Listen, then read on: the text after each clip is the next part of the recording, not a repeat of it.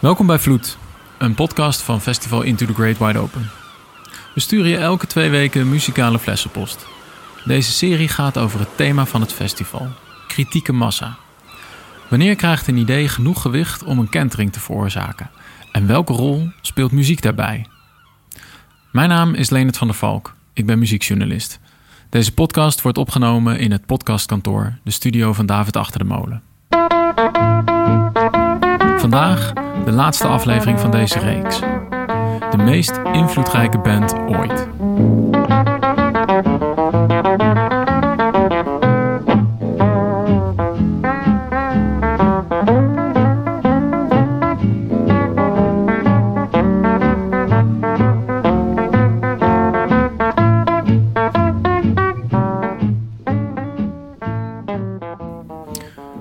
Oké, je mag een all-star band samenstellen uit de hele popgeschiedenis.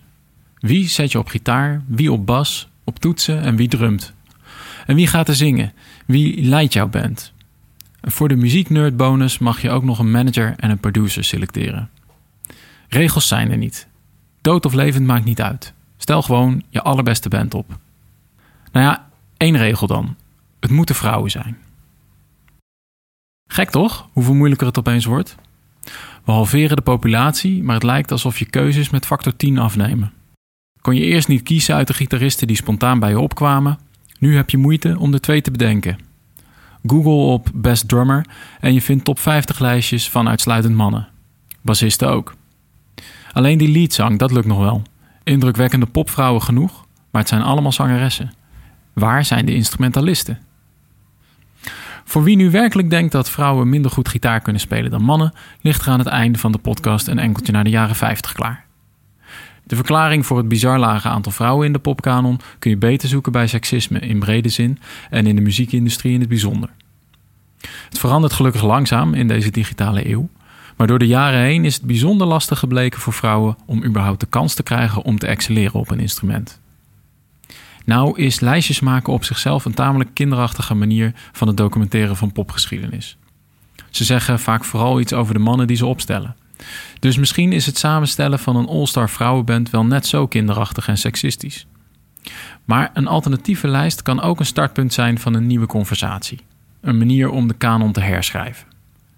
Dus laten we nou voor eens eens meegaan in de lijstjesgekte van de popmuziek en gewoon die band samenstellen. Maar dan wordt het wel meteen de meest invloedrijke band ooit. De leden stuurden de loop van de muziekgeschiedenis. Ze leerden rockmuzikanten gitaar spelen, brachten hip-hop naar de studio, streden voor gelijke rechten en legden akkoorden onder de strafste protestliederen. Deze vrouwen vertegenwoordigen kritieke massa. Oké, gitaar. Natuurlijk, je hebt Joni Mitchell, St. Vincent, Bonnie Raitt, maar ze waren nergens zonder de gitarist die we vragen voor deze band. Ze is een vrouw die de popgeschiedenis een draai in de richting van rock gaf. Of eigenlijk de vrouw bij wie rock begint. The godmother of rock and roll, Sister Rosetta Tharpe. Yep, rock begon met een badass gospeldame.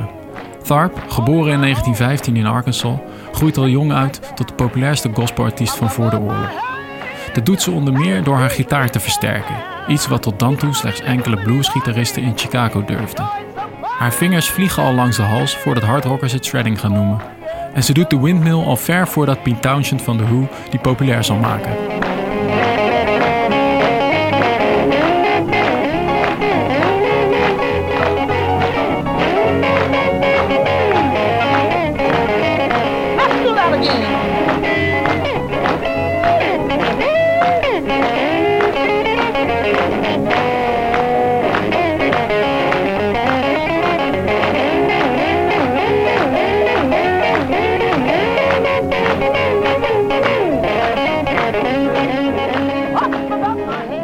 1947 hoorde Tharp de toen 14-jarige Little Richard zingen bij haar kleedkamer.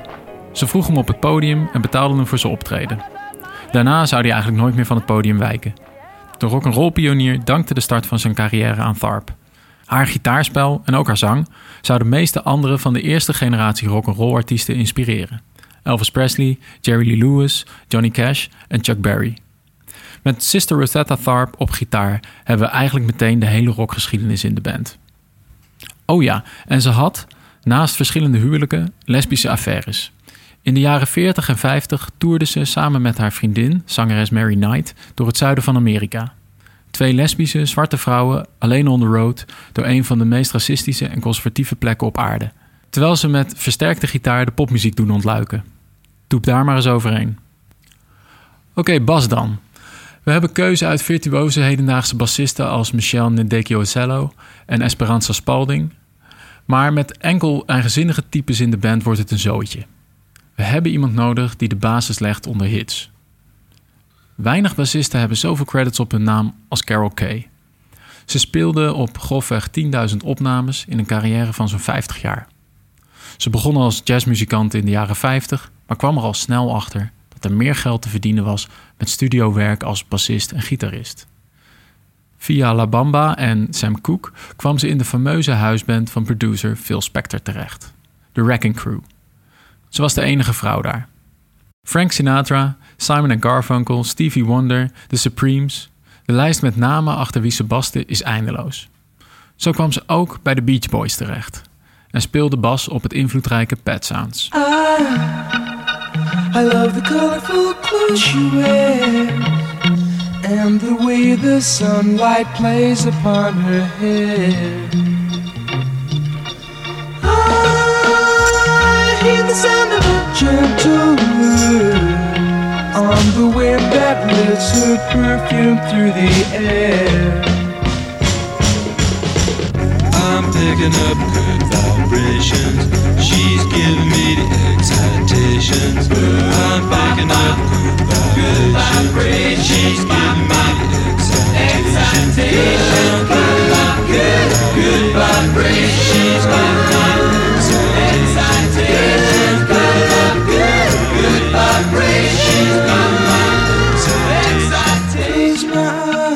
Haar werk viel op. Volgens Paul McCartney was het Case-basspel dat hem later inspireerde voor Sgt. Pepper's Lonely Hearts Club Band. Maar het was niet makkelijk als enige vrouw in de hitmachine van Spectre. In 1969 raakte ze uitgeput en was ze klaar met het geluid dat volgens haar als karton begon te klinken. En toen kwam het onheil. In twee weken tijd stierven haar ex-man en haar verloofde. Bovendien sloeg onder muzikanten de angst toe toen in die periode secteleider Charles Manson, die ooit werkte met de Beach Boys, verschillende moorden pleegde in Hollywood. Kay trok zich langzaam terug uit de scene. Ze begon een eigen uitgeverij voor haar lesboek How to Play Electric Bass, alsof ze met haar hits nog niet genoeg invloed had op toekomstige bassisten. Voor onze meest invloedrijke band ooit zoeken we ook nog een toetsenist. Keuze genoeg. Aretha Franklin, Alicia Keys, Oké, ze mogen komen auditeren, maar uiteindelijk gaan we voor Miss Nina Simone. Het is een beetje vals spelen natuurlijk, want zo hebben we ook meteen een ijzersterke vocalist in ons midden. Maar vooral hebben we iemand wiens invloed de muziek ontstijgt. Zoals muzikanten nu tijdens de Black Lives Matter protesten songs uitbrengen die de actualiteit van scherp commentaar voorzien, zo deed Nina Simone dat tijdens de burgerrechtenbeweging. Met bijvoorbeeld Mississippi Goddamn en To Be Young, Gifted and Black. Maar bovenal was ze pianist. Vanaf haar derde al zat ze achter de toetsen. Ze leerde Bach, Chopin, Brahms, Beethoven. Ze wilde klassiek concertpianist worden. Toen ze naar Philadelphia verhuisde, werd ze niet aangenomen op het conservatorium daar. Gezien haar talent valt er weinig in te brengen tegen haar latere claim dat de schoolweigering te maken had met racisme. Al dat onrecht, al die obstakels en al dat talent leidden er uiteindelijk toe dat Nina Simone misschien wel de meest eigenzinnige, activistische en invloedrijke pianist uit de popgeschiedenis werd. Ze smeden pop, jazz, blues en klassiek samen tot één stijl, die van Miss Nina Simone. De anderen krijgen het nog lastig in de band.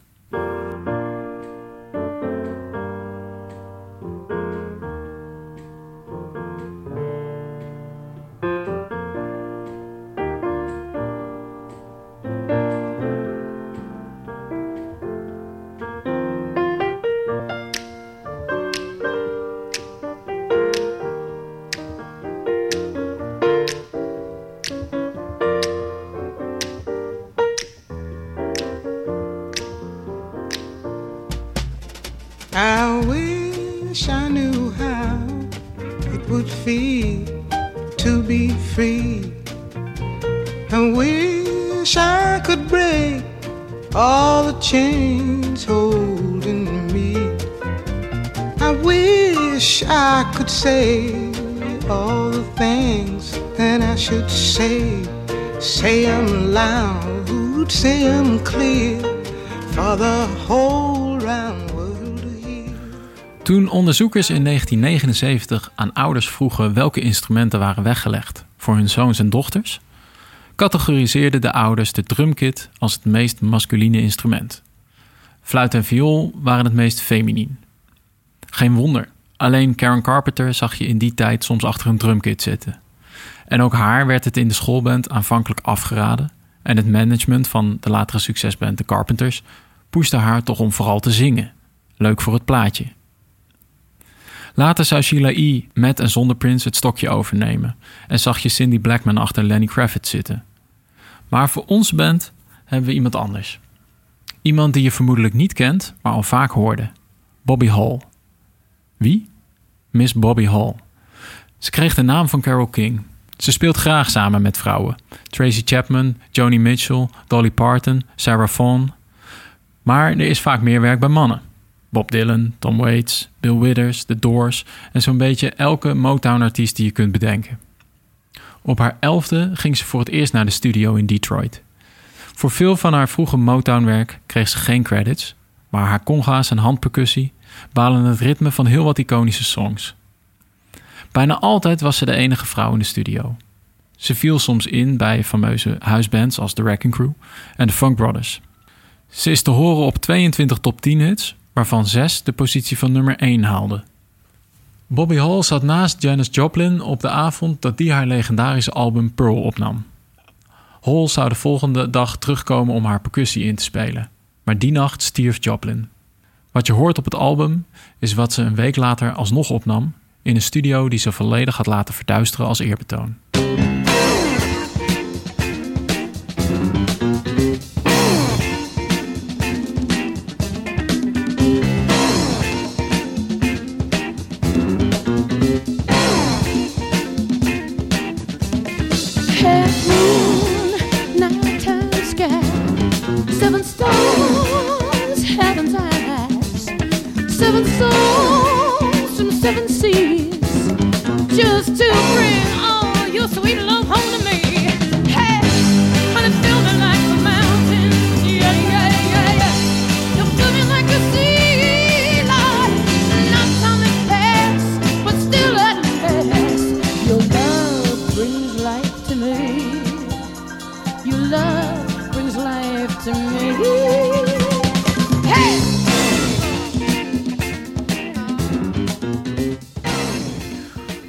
De zang dan.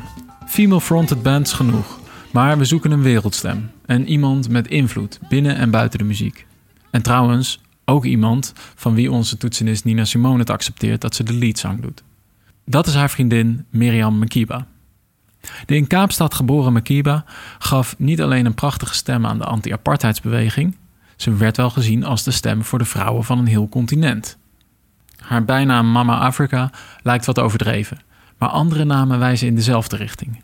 The Queen of African Music en Africa's First Superstar. Feit is dat ze in de jaren 50 een band oprichtte in Zuid-Afrika die volledig uit vrouwen bestond. Haar internationale carrière begon toen ze in 1960 op tour niet meer terug mocht keren van het Zuid-Afrikaanse regime en in Amerika bleef.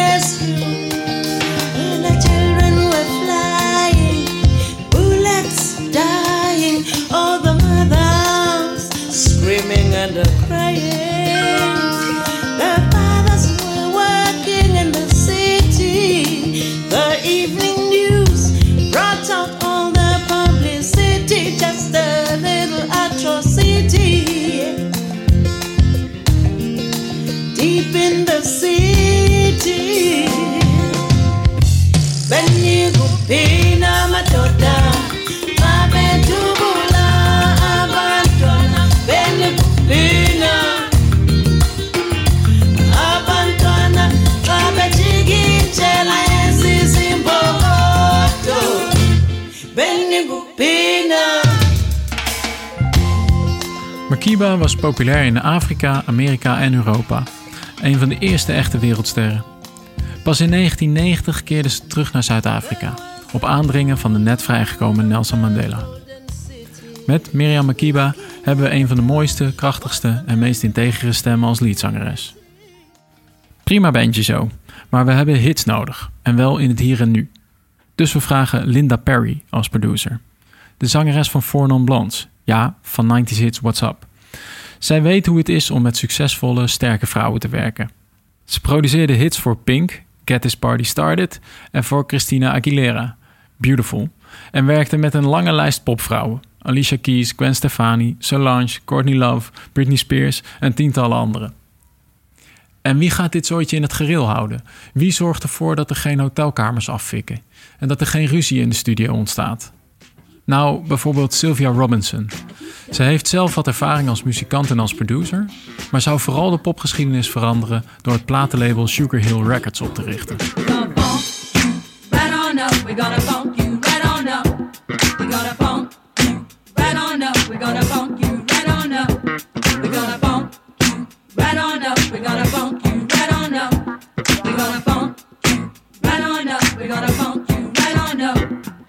Get up, get up get up, get up, get up, get up, get up, get up, get up.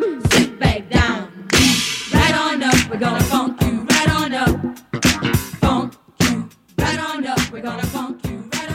Toen Robinson in 1979 de eerste commerciële raphit ooit uitbracht, Rapper's Delight, hadden de meeste mensen nog nooit van rap gehoord. Van haar label komt ook die andere grote hip-hop klassieker, The Message van The Furious Five. En wat je net hoorde was de vrouwen funk rapgroep The Sequence met een piepjonge Angie Stone. Robinson is in staat om revolutionaire muziek aan een breed publiek te slijten. Dus dit is de meest invloedrijke band ooit.